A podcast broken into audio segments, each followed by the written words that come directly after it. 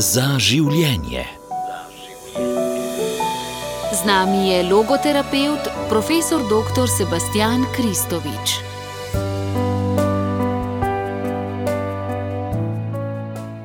Lepo zdrav, spoštovani poslušalci v oddaji za življenje, lepo zdrav pa tudi logoterapeutu, dr. Sebastianu Kristoviču. Dobr dan in dobrodošli. Lep pozdrav vam vsem v studiu in tudi vsem poslušalcem Radia Ognišče. Vedno več staršev nekako sprašuje, kaj narediti s temi našimi otroki, ko vemo, da kazni danes niso več take, kot so bile včasih, ko smo mi dobili še kakšno naritane. Vsi se verjetno strinjamo s tem, da kazen mora biti vzgojna. Ampak kakšna pravzaprav naj bo ta kazen, da bo res dosegla svoje? Kaj vi pravite, doktor Sebastian Kristovič? Uh, kazen je pravzaprav ena beseda, ki se jo je v zadnjih dveh desetletjih na uh, temelju uh, permisivno prepojenih strokovnjakov se je izločilo in se je veliko govorilo o tem, da kazni ne sme biti, da ne spada na področje vzgoja in izobraževanja, in da če je kazen potrebna, je to pravzaprav. Uh, nekakšen neuspeh, osebnostni bankrot eh, staršev ali pa pedagoških delavcev. Eh, jaz mislim, da je to zelo eh, napačno in se pravzaprav na nek način na neki nezavedni ravni vzpostavlja eno vzdušje, da se o kazni sploh ne sme praktično več govoriti. Ampak jaz mislim, da to tako strokovno kot življenjsko ne vzdrži kazen je del življenja, oziroma del zakonitosti sveta in življenja, v katerem živimo. Kazen nikoli ne sme biti izraz neke jeze, gneve, gneva, ker to pravzaprav izražamo s tem neko nemoč, da mi sami sebe ne obvladamo, da smo mi eh, sami nad sabo izgubili nadzor. Veliko krat se to dogaja staršem, ki so tako permisivno naravnani, eh, potem ne pa so prijatelji, pa vse to, neki čudni odnosi. Ampak na neki točki otrok vseeno mora obogati, da nekaj naredi, da gre v stran od zaslona, da pomaga doma, da si umije zobe, zjutraj treba iti v vrtec, v šolo in tako naprej. In mi smo preveč zajadrali v to neko nenehno debatiranje, prepričevanje, obljubljanje, motiviranje in vse to, pozabili pa smo, da starši morajo ene stvari preprosto zahtevati. Zato je danes to eno tako zelo delikatno področje. Na kratko bi pa jaz dejal tako, eh, katera kazen je prava. Prava je tista kazen, ki je učinkovita. Zato starši morajo biti ustvarjalni in kreativni pri izboru kazni, Eh, ampak da razčistimo takoj na začetku, otrok se ne sme tepsti. Torej, fizična eh, toleranca fizičnega nasilja je 0,0. Ker mi danes veliko krat, ko kdo reče kazen, ne, takoj pomislimo, eh, da gre za neko, neko tepeškanje ali kakorkoli že. Otrok se tepsti ne sme, ampak kazen je tudi kaj drugega. Skratka, kazen mora biti taka, kar otrok občuti neko nelagodje na takšen ali drugačen način. Zdaj, danes bom povedal en konkreten primer. Me vpraša ena gospa na šoli za starše, kako naj kaznujem svojo hčero. In pravim, eh, koliko je stara, eh, pravi 12 let. In pravim, to je pa najlažji primer, kar jih je, vzamete kisikovo bombo. Eh, pa pravi, mama, kaj mislite s tem? Jaz pravim, kisikovo bombo, to so telefone. Nažalost, Sicer boljše bi bilo, da jih ne bi imeli, ampak je dejstvo pač tako. Iz, treba vedno štartati v logoterapiji, štartamo iz, se reče strokovno, iz bivanjske realnosti, torej kje človek je v tistem trenutku. Torej, izhodiščna točka, ne kako bi naj bilo, ampak kako je, je pač tako. Ja. E, pravi, pravi, vzamite telefon in ona pravi, ja, se ji, pa, pa mi reče, ja, ti ga kar vzame, pa se norca dela. Pa pravim, ja, kdaj pa ga vzamete. In potem ugotovimo, da pride do tega ponovadi zvečer, ne, ne dolgo pred spanjem. In to pomeni, da mama vzame telefon za tiste pol ure ne? in hčera se dela norca. In jaz pravim, vzamite ga za teden dni. Pa boste videli, kakšna bo učinkovita. Skratka, kazen je pravina tista, ki je učinkovita in vsak starš vsi starši, ki imajo več otrok, vedo, da vse vzgojne metode, prijemi, pristopi, kazni, ki držijo pri prvem, pri drugem, vse pade vodo. Ja. Zato je pomembna ta ustvarjalnost, kreativnost pri izbiri kazni, ki je pravzaprav logična posledica otrokovega vedenja. Ja. Verjamem, da je veliko staršev že naredilo ta ukrep, se pravi, oduzem kisikove bombe, ampak otroci so, zlasti ko so 12 plus, ne stari, zelo iznajdljivi in rečejo: Veš, mama, jaz pa to rabim za šolo, ne morem vaje delati naloge, če nimam telefona. Kaj pa potem? Ja, v tem primeru pa uh, naj recimo dela to za šolo z telefonom uh, v kuhinji zraven mame. Ker, mislim, eno stvar, da jim razčistiti. Pri vzgoji gre za eno zelo preprosto stvar. Gre za eno igro in sicer kdo bo koga. Zelo preprosto. Kdo postavlja meje in kdo se jih drži. In danes je to na nek način postavilo na glavo. Ne. Otroci vedno testirajo meje. Ko jim ti rečeš, tu se postavite, ne smete stopiti preko črte. Jaz na taborih vidim, sem delal z več tisočimi otroci, torej govorim strogo iz prakse, ne iz učbenika. Otrok to takoj mora dati nogo preko ne, ali, ali karkoli že. Oni več čas testirajo meje, to pomeni, testirajo odnos odraslih ljudi in njihovo osebnost, koliko ti misliš resno. In zdaj, če naredimo eno klepaj, koliko krat starši grozijo, obljubljajo, kaj vse se bo zgodilo, na koncu vidimo, da se od tega uresniči zelo malo ali skoraj da nič. In potem se čudimo, kako to, da me otrok ne jemlje resno. Ker otrok ima starša naštudiranega kot se reče v slengu, v nulo, tako kot smo mi imeli svoje starše, tako nas imajo tudi oni. Jaz sem točno vedel, kdaj moram vprašati za izhod v disko v soboto zvečer, to je večkrat povem na predavanjih, vedno, uh, ko so prišli obiski, ampak ne takoj, po enih dveh urah. In potem sem se v kuhinjo postavil tako diametralno nasproti očeta, čez celo mizo. No, in potem sem ga vprašal, in preden je oče začel kaj komplicirati, je oni gospod rekel: Janko, kaj kompliciraš, naj mladi grejo, kdaj bodo šli, če ne zdaj. Skratka, ne pa je že potegnil ven denarnico, pa nekaj dal tako za zraven. Skratka, hočem reči, da so starši naštudirani ne? in uh, zdaj. Gre za to, kako je starš naravnan, ker veste, ko starš nekaj reče, če ni v sebi trden in gotov, to otroci, mladostniki, še posebej najstniki, takoj začutijo in seveda tudi uh, izkoristijo. Tako da se mi zdi zelo pomembna ta ena notranja, bivanska, trdna, gotova drža. Ja. Starši so tisti, ki morajo vedeti, kaj je za otroka dobro in kaj je najboljše. Ja. Živimo žal v takih časih, ne, ko te trdnosti družinske ni več, vemo, da je skoraj vsaka tretja družina, nekako ločena, že oče, mama posebej. In to nikakor za otroka pri vzgoji ni olajševalna okoliščina, so pa tudi družine, a neki so skupaj, sicer pa se glede vzgoje oče in mati ne strinjata. Kako težko in težje je to za otroka, ko recimo pri vzgoji vsak od staršev, oče po svoje in mama po svoje, postavlja svoje zahteve. Zakaj je to narobe in še težje? Uh, ja, ko pravite, družba je taka, uh, družina in tako naprej, ampak uh, se mi zdi pomembno poudariti in se zavedati, da družba sem jaz, družbo sestavljamo mi. In vzgoja je odvisna od vsake družine posebej. To pomeni, da družina ne rabi iti v logiko, tako kot delajo vsi, eh, ker potem hitro pridemo do tega, da ja, če so vsi lahko sedem ur na dan na telefonu, pol je še pa lahko naš. Ja, če pa vsi dobijo PlayStation, pol še pa naj dobi naš. Jaz mislim, da je to zelo nevarno in jaz mislim, da danes živimo v času, ko se treba včasih postaviti tudi proti vetru, seveda vse v logiki dobrobiti otroka. Uh, če vsi šestletniki popijajo tri požirka piva na pikniku, jaz svojemu ne bi dal, čeprav to vsi malo penice poskusijo, recimo, kot primer. Tako da eh, se mi zdi zelo pomembno, je, kakšne vrednote in naravnanost ima vsaka posamezna družina, in mislim, da treba vedno štartati.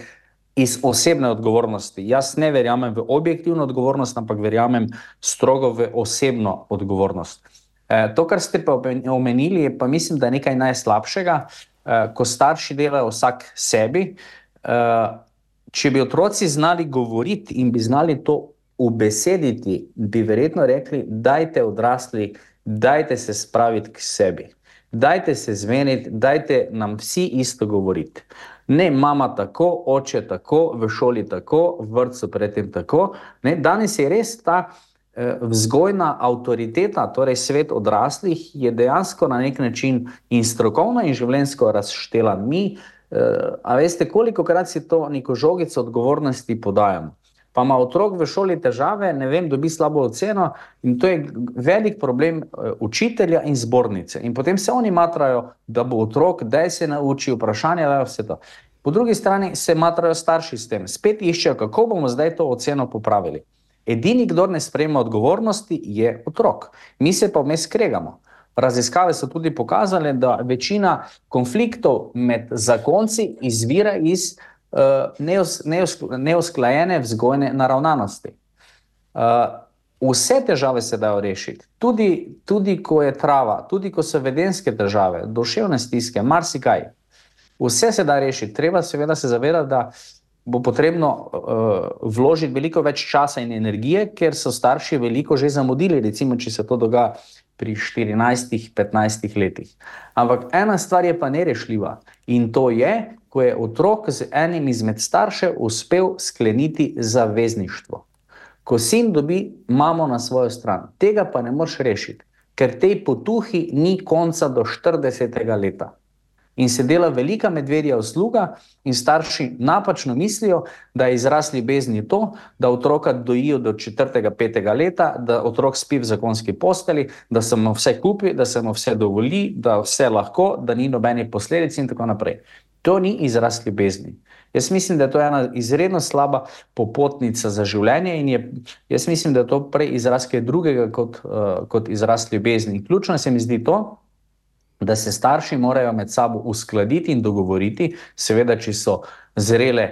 Osebnosti, to je zelo pomembno, da biti osebnostno zrel, zato ne, da se glede vzgojnih ravnanj dogovorita in sta usklajena. To preprosto v praksi pomeni, če oče nekaj reče, in se sin obrne na mamo, mama mora reči, tako kot je dejal oče. In obratno, tako kot je dejala mama. Jaz celo na šolah za starša svetujem, da tudi če ugotovijo, da se partner moti po njihovi oceni, morajo držati z partnerjem, torej z možem, ženo, nikoli se ne smejo postaviti na stran otroka. Ali pa da so vsaj tiho, pa gredo v drug prostor, pa se ne vtikujejo v, v neko situacijo, ki mogoče ne poznajo vseh okoliščin, vseh parametrov, se je pač mož, žena se je tako odločila in, in to je to. Ja. Ampak, ko enkrat se otrok, starš postavi na stran otroka, je gotovo, tudi v relaciji do vrca ali do šole.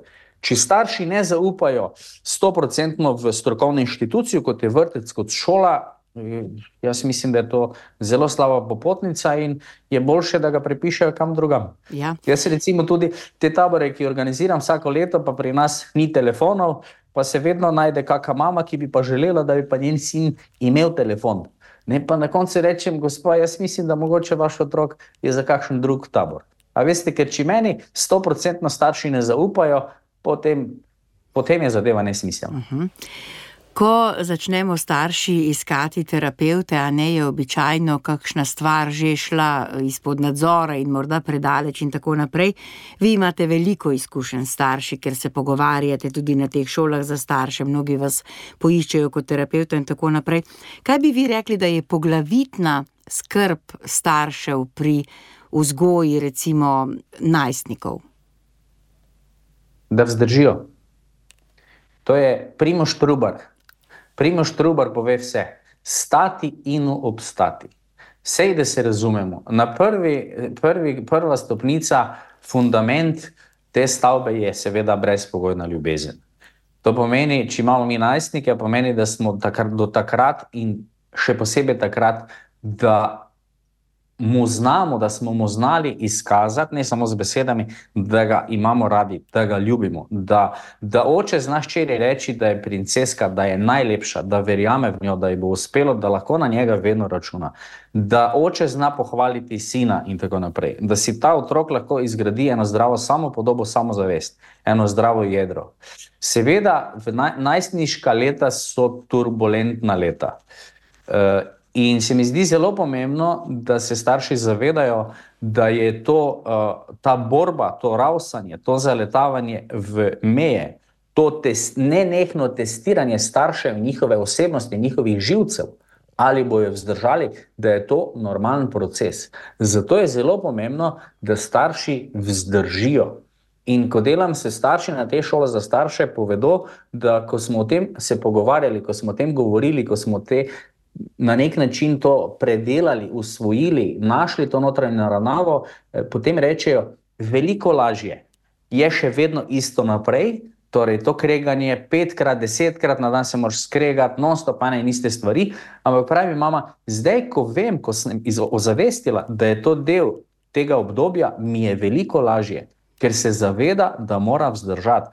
Ker najstniki iščejo pravzaprav odnos, ljubezen, preko meja, tudi preko nekih konfliktov, ampak ta na drugi strani, torej ti kot odrasla oseba, moraš pa vzdržati mojo negotovost, moje testiranje tebe in tako naprej. Ne, Ker, ne vse vzgoja ni v, ni v besedah. Ne, zato meni, mene ne prepričajo ti strokovnjaki, ki delijo, a veste, po priročnikih vse te. Napotke, torej rešitve za vse težave. Jaz mislim, da je to, da je to nerealno. Eh, življenje je tisto, ki šteje. To, kar oče in mama govorita, otrok, bi, če bi to znal nekako v besedi, bi dejal, eh, dobro, to, kar vi dva govorite, ampak daj tam mi pokazati še. Jaz bi to rad videl v vajnem življenju. Mhm. Oče, daj ti meni pokaži, kako se živi. Daj ti meni pokaži, kako, kaj pomeni srečen, zadovoljen, osmišljen posameznik. Ja. Ne, da to jaz vidim, ne, ne da govorimo. Ne. Mi smo pa vse zreducirali v eno govorjenje, modrovanje, pa tudi moraliziranje. Ampak to vemo, to se ne obnese. Danes, danes prepričajo, uh, prepričajo samo življenje, osebnost, ki to živi, kar govori.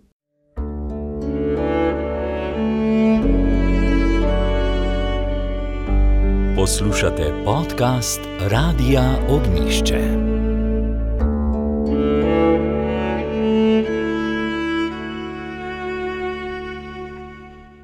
Spremljate oddajo za življenje, naš gost je dr. Sebastian Kristovič. Dr. Sebastian, po vašem mnenju, kdaj je zadnji čas za to, da v otroka vcepimo neko odgovornost, da je sam zase odgovoren, ne da se vas učiteljski zbor in starši ukvarjajo eh, z njegovo matematiko, ampak da je sam odgovoren za to matematiko?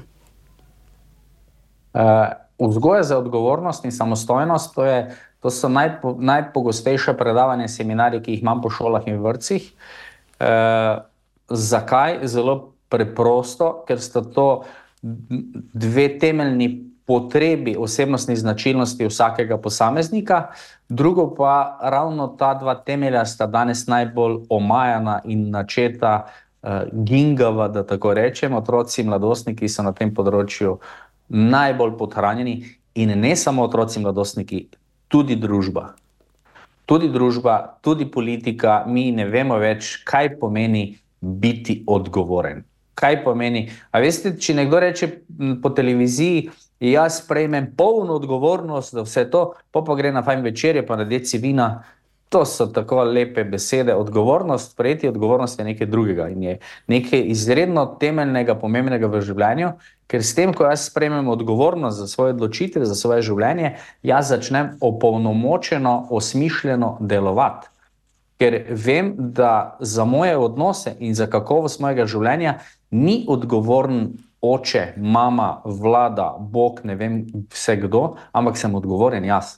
In to človeku tudi nekako izgrajuje dostojanstvo. Jaz lahko ravnam drugače, meni to daje odgovornost. Uh, in mi tudi na nek način utrjuje mojo lastno identiteto, samo podobo in samozavest. Zato vzgoja za odgovornost se začne na poti iz porodnišnice domov.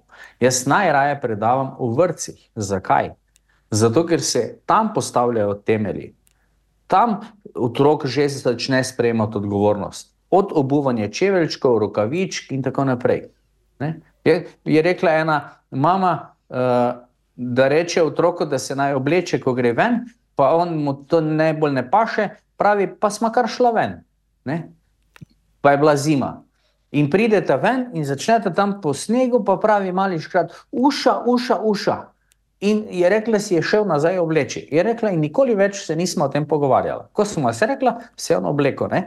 Mi smo pa tako okupirani s tem, da otroke hočemo vse obvarovati, ne, in non-stop interveniramo, govorimo, svetujemo, pazi, ne plezaj, pazi, ne tekaj, pazi, ker boš pazi, pazi, pazi, pazi. In otrok, ker so starši prav, nekateri na nek način že skoraj se mi zdi obsedeni z tem nenehnim animatorstvom in komentiranjem, kam greš zdaj, pridi sem, ljubček, pa zakaj to počneš, pa kaj prijem. A veste, to, to otrok mora razviti nek ADHD, pa nervoznost, pa tako naprej. Drugo pa je to, da zaradi teh nenehnih intervencij in govorjenja in vse za otroka, otrok ne zmore razviti ene notranje samorefleksije, enega srečanja s seboj, ker otrok pravzaprav nikoli ni sam s sabo, ker mi se z njimi igramo, jih animiramo, jim govorimo, telefone dajemo in otrok ne razvije odnosa s sabo. Zato ni čudno, da imamo danes toliko zmedenih, eh, osamljenih mladostnikov, ki so naveličani, apatični, depresivni, anksiozni, ki svoje življenje doživljajo kot nesmiselno, ki, ki sebe ne doživljajo kot nekega sokreatorja bodoče družbe. Torej, jaz eh, nimam odgovornosti samo za sebe, jaz imam odgovornost tudi za, eh, za mojo ženo, jaz imam odgovornost do staršev, jaz imam odgovornost do otrok, recimo kot en študent ali pa en profesor. Moj namen Moje poslanstvo ni samo, da grem v predavalnico in tam govorim znanstvena dognanja. Moja odgovornost je tudi, tudi kot fakulteta, kaj fakulteta daje družbi na nacionalni ravni. Fakulteta ne samo, da sprejema, ampak fakulteta mora tudi dajati družbi, stroki, znanosti, nacionalno in internacionalno. In tudi mladostnik, ne danes mladi, nimajo te, tega občutka, da so od države, od družbe nekaj prejemali, zdaj morajo pa tudi oni kaj dati. Ne? Če pogledate ljubezen, ljubezen ni v sprejemanju, to je pač to je ekonomija. Ljubezen je v dajanju.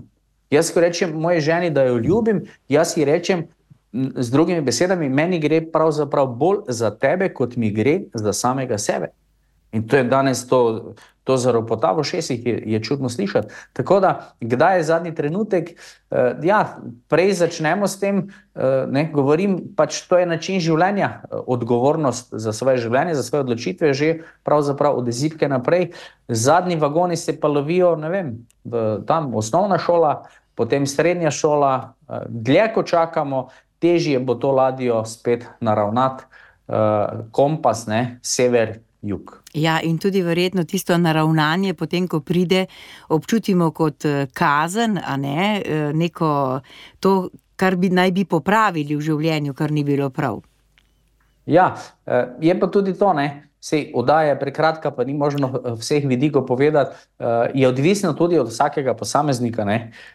Treba se zavedati tudi to, da treba upati v mlade, torej ne obupati.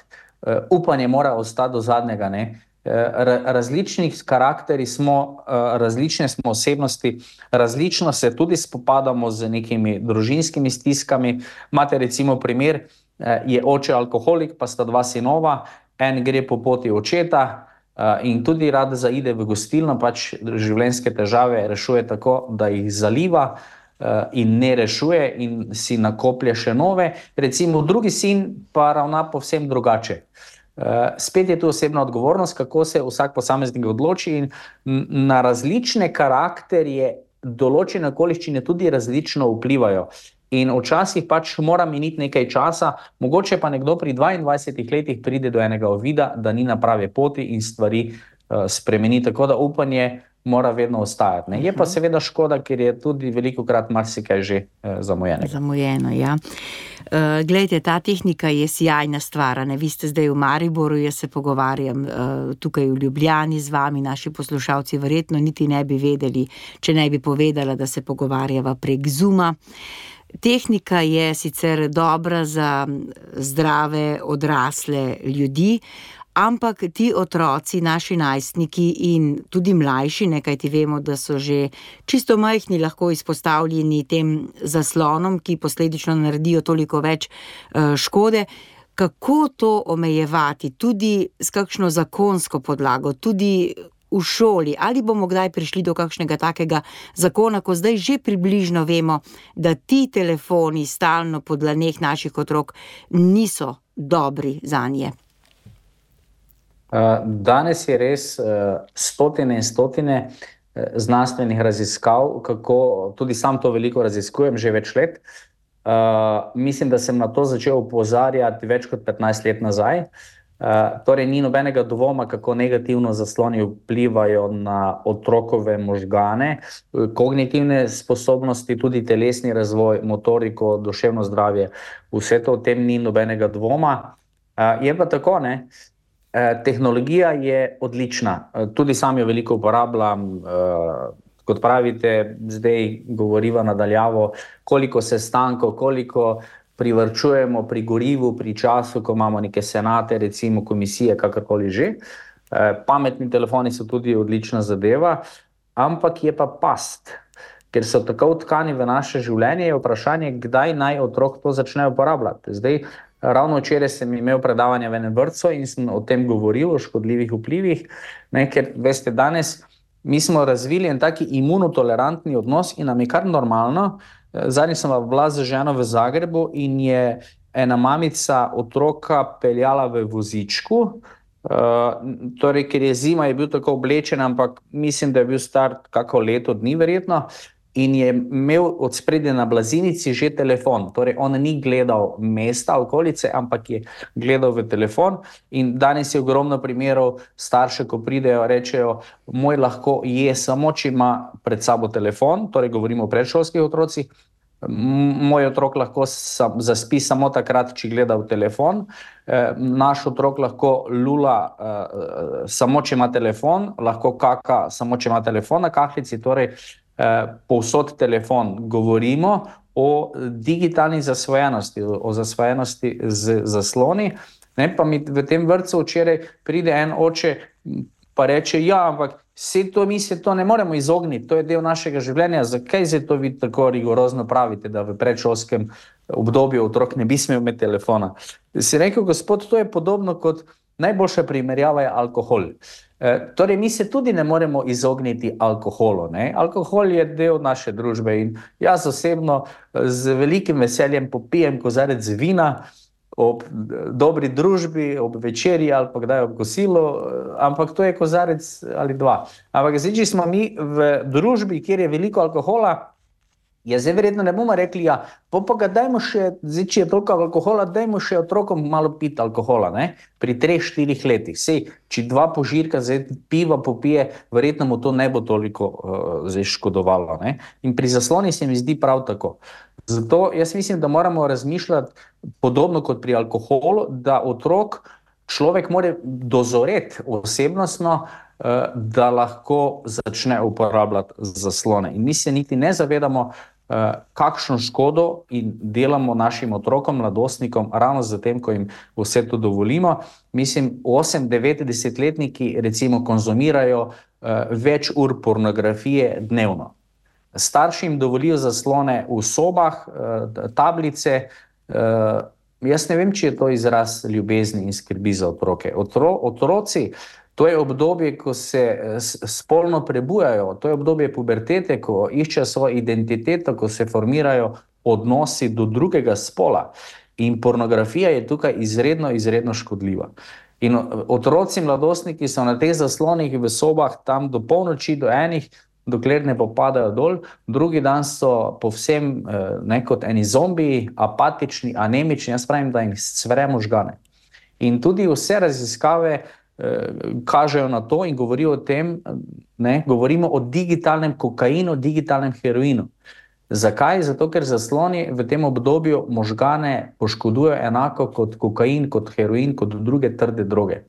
Moramo se zavedati, da je v zadnjih 25 eh, letih se je duševno zdravje otrok in mladostnikov poslabšalo za 70 odstotkov.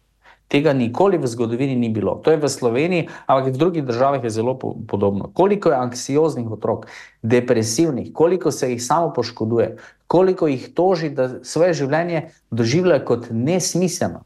Moje življenje nima nobenega pomena, nobenega smisla, vse je brez veze. Zakaj se naj sploh matram? Koliko je težav z samo podobo, z samozavestjo in še in še bi lahko naštevali. Tako da pravilo bi tukaj bilo manj je več. Uh -huh. Potrebno si je naliti čistega vina in začeti govoriti o tem, o zasvojenosti z zasloni.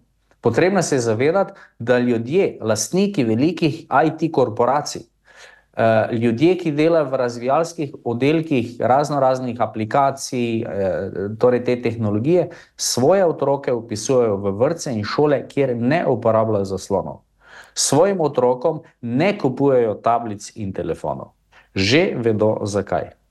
Mi smo, veste, mi delamo doktorate iz psihologije, pa raziskave in marsikaj, ampak vrhunski psihologi so pri aplikacijah družbenih omrežij, kjer psihologi naštudirajo, kako mora izgledati določen like, klukica, kakšne barve se morajo uporabljati, kdaj naj prihajajo pop sporočila, kakšen mora biti zvok. Ravno zato, ker oni želijo, da je pač človek čim več časa preživi na teh eh, aplikacijah ali na tem družbenem omrežju.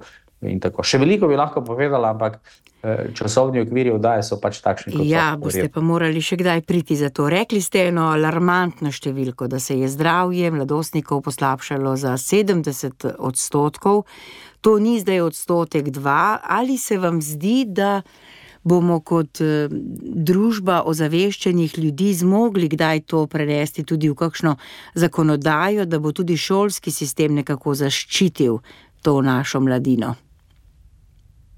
Zdi se, bo zvenelo grobo, ne, ampak zgleda, da na sistemski ravni nam ni mar za to. Eh, kot primer, eh, povem, glede telefonov. Eh, meseca maja lansko leto sem bil povabljen v državni zbor kot nek ekspert, strokovnjak, nas je bilo več glede problematike vzgojno-izobraževalnega sistema. In tam sem podal predlog, zelo jasen, da bi morali v slovenskem prostoru ne mudoma sprejeti, verjetno ne za zakon, ampak neko uredbo, da bi po vseh osnovnih šolah, po vsej Sloveniji, bili, eh, bilo prepovedano nošenje pametnih telefonov v šole. Torej, iz tega se ni zgodilo nič, prejel sem pa ogromno podpore ravnateljev, učiteljev, staršev, staršev, starši so takoj za to, pravzaprav iz cele Slovenije. A veste, ker mi ne, mi ne moremo to vrstne problematike reševati individualno od šole do šole. To ravnatelji povedo, ker oni bi to sprejeli, ampak se vedno najde ena ali pa dva starša, ki rečejo: Ja, ampak jaz mojemu otroku kupim, vi to nimate pravice in tako naprej. In ravnatelji so izmučeni ravnatelji so iztrošeni. Vi imate tam eno anonimko, eno mama prijavi in, in se ravnatelj tam je zadnjič govorila, eh, ravnateljica, 4-5 mesecev, cele fascikle dokumentacij so porabili, na koncu so gotovili, da je vse vredno. Ampak koliko časa, koliko živcev je šlo za neko anonimno prijavo. Pozabljamo pa, da ni bilo tega časa in energije namenjeno nekim drugim pametnim, modrim sebinam. Zato bi morali, to so problemi, ki se morajo reševati na sistemski ravni. In na sistemski ravni bi morali sprejeti, pa, pametnih telefonov se v šolo ne nosi, ker ni potrebno, pika. Če mora kdo poklicati, je lahko tam nek oni telefon navadni, ki pokličejo starše, ne vem, to se potem rešuje individualno. In je zadeva zaključena. To je to, in ni nobene debate in razprave. Vse to ponekod po državah je. Torej, ni nobena težava. Če je dobra volja, dober namen, je, je to to. Uh, Tako da uh, to je podobno kot eh, če mi rečemo, v Sloveniji se vsi vozimo po desni strani cestišča. Pika. Pa zdaj ne bomo mi razpravljali, kaj pa če bi jaz po levi, kaj pa če bi pri nas drugače. Ne, to treba sistemsko urediti. Druga zadeva, kar se tiče duševnega zdravja, ko sem prej povedal, da očitno nam družbi kot takšni, tudi stroki, ni mar. Mi še se v javnosti hvalimo z zlatimi maturanti, z točkami in tako naprej, ker mi smo vse zreducirali samo na pamet, na točke. Ne govorimo pa o tem, koliko kokaina in drugih poživil in trdih drog se konzumira že v srednjih šolah. Še posebej takrat, ko se pripravlja na maturo. Koliko je hospitalizacij, koliko je več samopoškodovanja, koliko je več agresije. Kako se, mi se ne vprašamo, kako naši otroci so, a, a so srečni, a so zadovoljni. Ne gre samo za to, da ti pamet z nečim napolniš, ampak mi smo pozabili na celoviti razvoj osebnosti. Mi smo pozabili na to, kakšen človek bo to kot osebnost formiran, ko bo zaključil šolo. Ne samo, kaj se bo naučil, to se naučiš se hitro. Ampak mi smo vse zreducirali samo na pomnjenje. To, torej, jaz nekaj povem in otrok, če zna čim boljše, ali pa študent ponoviti za mano, toliko boljše ocenjene. Ampak vse v življenju ni pomembno samo, samo pametne. Mi poznamo veliko ljudi, ki so bili izredno pametni, brihtni, jim je dobro šlo v šoli, pa je on je zapit, on je ono, ker ne gre za to. Ne. Je potrebno še kaj drugega v življenju. Zato je tako potrebno celovito, celostno, holistično gledati na otroka in na celotno vzgojno izobraževalni sistem. Ja, nažalost je naša šola naravnana prav tako, a ne vzgojo nekako opušča ob strani, naravnana je pa tako, da se morajo ti otroci učiti podatke, ki pa jih imajo na pametnem telefonu in niso bistvenega pomena za življenje. Ja, sej, da se razumemo, seveda se treba ene stvari naučiti, ni debate, poštevam, ko je potrebno vedeti. Matematično znanje je treba osvojiti. Pa kakšno Nekaj pesem vzgo... tudi, ne? Kako? Kakšno pesem tudi. Točno tako, ne? kakega povodnega moža, ne? to ti kar slabo postane, ko vidiš, da nečak se je 14 dni nazaj matral, ne? Tiste kitice, to, to ni preprosto. Ne? Ampak tudi to ima nek svoj eh, pomen in trening vztrajnosti in razvoj možganov, spomina in tako naprej. Tako da vse to ima svoj smisel. Ne, ne da bi zdaj šli mi v neko hipi varianto, ne? v komuno, pa ne, nič več ne rabimo. To, to je nesmiselno. Ne? Mi, mi znanost in stroko rabimo in pametne ljudi. Ne? Ampak eh, pozabljamo pa na, na drugo področje, še kot smo že omenili. Torej, ravno to je ta holistični pristop, ki upošteva tudi duševno zdravje, tudi en, en razvoj eh, drugih osebnostnih veščin, torej človek kot celota, nekaj človek ni samo pamet. Mhm. Ali vaši študenti, dr. Sebastian Kristovič, eh, ki bodo potem šli v življenje s tem vašim elanom, če ga bodo seveda odnesli od vas, mislite, da bodo prenesli to znanje, to navdušenje in to prepričanje, da je treba človeka gledati holistično, ne samo tako storilnostno, samo po pameti, tudi v svoje strokovno življenje. Upate na to? Jaz mislim, da ja. Meni. Uh, meni daje to en, en, en, en zalet in upanje in pogum. Uh, Mar si kaj počnem, Eh, marsikako vodstveno funkcijo imam, sestankov nimam rad, najraje imam delo z mladimi, z študenti in vam povem, eh, ko govorimo o teh tematikah, ko govorimo o, o smislu življenja, o tem, eh, kakšno vizijo imajo o sebi, o svojem življenju, o družbi, kakšno vsebino bodo svojemu življenju dali in tako naprej, mladi vam povem, ne gleda noben v telefonu. Vsi so pri stvari, sodelujo in jih strašno zanima. In študenti so, imamo izredno srčne, uh, empatične, zagnane uh, študente. Nekatere treba malo prebuditi, prebudi se itak človek sam, ampak to so vsebine, ki jih mora svet odraslih nagovoriti. Tekom vzgojno izobraževalnega sistema, starši, pedagoški delavci in tako naprej. V mladih je izredno, izredno velik potencial. Mladi znajo presenetiti, imajo ideje, so ustvarjalni, so kreativni, torej to je v njih. Mi samo moramo na nek način to v njih prebuditi in meni je to tako lepo. Eh, ko sem že toliko let eh, profesor na fakulteti, eh, veliko generacij, dobro, ne zdaj ogromno, ampak kar nekaj generacij je šlo mimo mene in je tako lepo, ko se prav spomnim, ko so določeni, ko so prišli v prvi letnik, pa so bili tako še čist. Rahli, zeleni, zvedavi, ne? potem pa zaključujejo, pa grejo že potem na magistrski študij. Skratka, ko nekako tako posredno spremljaš tudi njihov osebnostni razvoj, uh, in to sem zelo zadovoljen, in tudi meni dela to radostnega in veselega. Ali pa, ko dobimo iz raznih kliničnih ustanov nazaj povratne informacije, rečejo, vaši študenti so res drugačni. Eh, kot drugi, pa rečem, kako je ja, tako z enim odnosom, že s tem, kako pozdravijo, že s tem, kako delujejo, kako imajo odnos do klientov, pacijentov in tako naprej. Tako da upanje, upanje ostaja in uh, bomo delali še naprej v tej smeri za dobro, uh, lepo in smiselno prihodnost naših otrok, mladih in seveda družbe kot celote. Ja, jaz bi vam želela, da bi še naprej ostali tako dobro seme, kot ste ga zdaj zasejali tudi med naše poslušalce. Ampak čisto za konec bi vas pa še vprašala. Uh, to prej ste tako lepo omenili Primoža Trubarja, ne stati in obstati. In je verjetno to za mnoge starše, ki imajo naporne najstnike doma, uh, prava težava včasih tudi, a ne obstati te stalne pritiske, to težo odraščanja mladostnika. Uh, kdaj pa se luč na koncu predora vendarle prikaže, kje so tista leta? Vem, da je odvisno od posameznika, ampak vseeno. Kdaj naj bi bila ta puberteta? Nekako pri kraju, kdaj starši lahko potem snamemo čelado z glave. Ja, čelado je zelo težko sneti, mogoče da si nadanejo kako bolj uh, tanko. Se veste, ene so bolj trde, ki se uporabljajo tam v MotoGP-ju, ne, potem so pa tanjše, tudi one, ki so na kolesu in tako. Tako da jaz mislim, da starši vedno morajo biti malo v stanju pripravljenosti, seveda, dokler otroci živijo pod to streho, je kakorkoli že, ne, e, imajo starši neko glavno besedo. Ampak jaz mogoče ne bi postavil zdaj neke meje.